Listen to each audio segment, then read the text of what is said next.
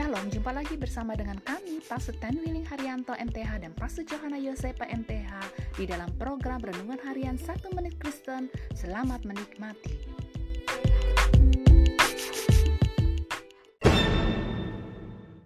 Shalom saudara yang berharga di mata Tuhan, senang dapat jumpa dengan saudara. Hari ini Allah mau mengingatkan kita untuk mempercayai Allah dan bukan pada diri sendiri. Di tengah-tengah nubuat yang diucapkan Yakub kepada dan anaknya, Yakub berteriak, "Aku mempercayai Engkau untuk keselamatan, oh Tuhan."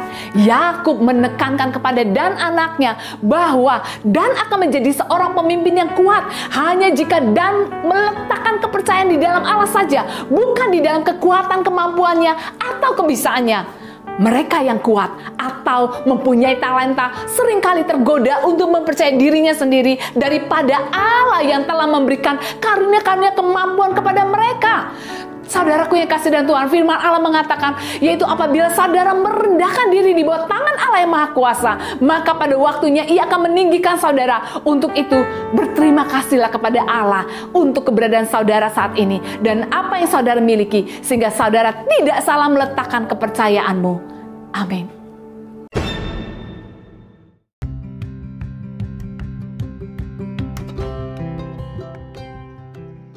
Kasih saudara telah mengikuti podcast Renungan Harian 1 Menit Kristen.